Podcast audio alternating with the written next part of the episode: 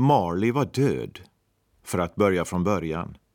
Det råder inte minsta tvivel om den saken. Begravningsattesten var undertecknad av prästen, klockaren, begravningsentreprenören och den närmast sörjande. Scrooge hade undertecknat den och Scrooge namn var en säkerhet var han än skrev det. Gubben Marley var lika död som en spik i en dörr. Märk väl, det är inte min mening att göra gällande att jag av egen erfarenhet vet hur pass död en dörrspik är. För egen del skulle jag snarare vilja säga att en spik i en likkista är det dödaste föremålet i järnbranschen. Men förfäderens visdom döljer sig i detta talesätt och mina oheliga händer ska inte rubba det på det att världen inte må förgås.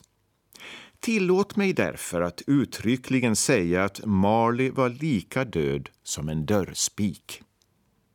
Visste Scrooge att han var död? Ja, visst gjorde han det. Hur skulle han kunna annat?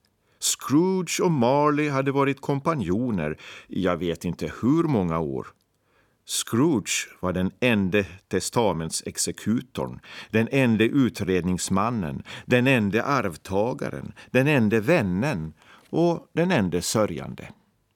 Men inte ens Scrooge tog den sorgliga händelsen hårdare än att han som förträfflig affärsman högtidlig höll själva begravningsdagen med att avsluta en förmånlig affär. Omnämnandet av Marleys begravning återför mig till min utgångspunkt. Det rådde inte tvivel om att Marley var död. Den saken måste man ha klart för sig. Ty i annat fall blir den historia jag tänker berätta inte på något sätt märkvärdig. Om vi inte vore fullt övertygade om att Hamlets far hade dött innan pjäsen började skulle det inte ha varit märkvärdigare att han tog en kvällspromenad i östanvinden på sin egen slottsvall än att vilken medelålders herre som helst vågade sig ut en kväll på en blåsig plats, exempelvis St. Pauls kyrkogård, för att skrämma upp sin svagsinte son. Scrooge målade aldrig över gubben Marleys namn på skylten. I åratal efteråt stod det över magasinsporten Scrooge and Marley. Firman var känd som Scrooge and Marley. Folk som inte hade närmare reda på affären kallade Scrooge ibland för Scrooge och ibland för Marley. Men han lystrade till båda namnen. Det kom på ett ut för honom. Åh, det var en skarp affärsman den där Scrooge. En snål, hård, sniken, grinig, girig, lysten gammal syndare. Hård och skarp som en flintsten ur vilken ännu aldrig något stål hade slagit en gnista av edelmod, hemlighetsfull och självbelåten och ensam som ett ostron i sitt skal. Kölden inom honom hade frostbitit hans gamla ansikte, rödfärgat hans nästipp, skrynklat hans kind och kommit hela hans gestalt att stelna. Det hade färgat ögonen röda och de tunna läpparna blå. Den talade ur hans kärva och skärande röst. Hans huvud, ögonbryn och borstiga haka var som täckta med rimfrost. Vart han kom förde han med sig sin egen låga temperatur. Han kylde av sitt kontor mitt i rötmånaden och tinade inte upp en grad ens vid jul. Yttre hetta och köld hade föga inflytande på Scrooge. Ingen värme kunde värma honom, ingen vinterköld kyla honom. Den skarpaste vind bet inte vassare än han. Snön föll inte ihärdigare, regnet var inte mindre mottagligt för böner. Inget väder bet på honom. Även det värsta regn eller snö eller hagel eller slask kunde bara i ett avseende göra anspråk på något företräde framför honom.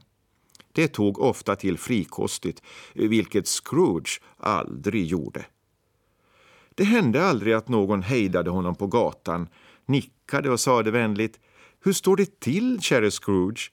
Kommer ni aldrig hem och hälsar på? Aldrig sträckte en tiggare fram handen och bad om en skärv. Aldrig frågade något barn vad klockan var. Det föll ingen människa in att be honom om upplysning om vägen. Till och med de blindas hundar tycktes känna igen honom. När de såg honom nalkas drog de in sina husbönder i närmaste portgång och viftade med svansen som om de ville säga Inget öga alls är bättre än ett ont öga, käre blinde husbonde. Men vad brydde sig Scrooge om det? Det var just så han ville ha det att knuffa sig fram bland den myllrande hopen på världens alla vägar och låta all mänsklig sympati förstå att den borde hålla sig på avstånd, det var mums för gamle Scrooge. Så hände det en gång, eh, det var just på julafton, att gamle Scrooge satt på sitt kontor och arbetade. Det var grått och kallt och bitande ute. Dimman låg tät över staden och han hörde hur människorna ute på gården fnös medan de gick fram och tillbaka. Hur de tog sig åkarbrasor och stampade i marken för att bli varma om fötterna. Klockorna i city hade just slagit tre och ändå var det redan mörkt. Det hade förresten inte varit ljust på hela dagen och ljusen som lyste i fönstren till de kringliggande kontoren liknade röda flottfläckar mot den tjocka bruna luften. Dimman smög sig in genom varje springa och nyckelhål och ute var den så tät att gården krympte ihop och husen mittemot skymtade som spökfigurer. Vid åsynen av den smutsiga dimman som sänkte sig och förmörkade allting var man frestad att tro att hela naturen hade förvandlats till ett enda stort bryggeri.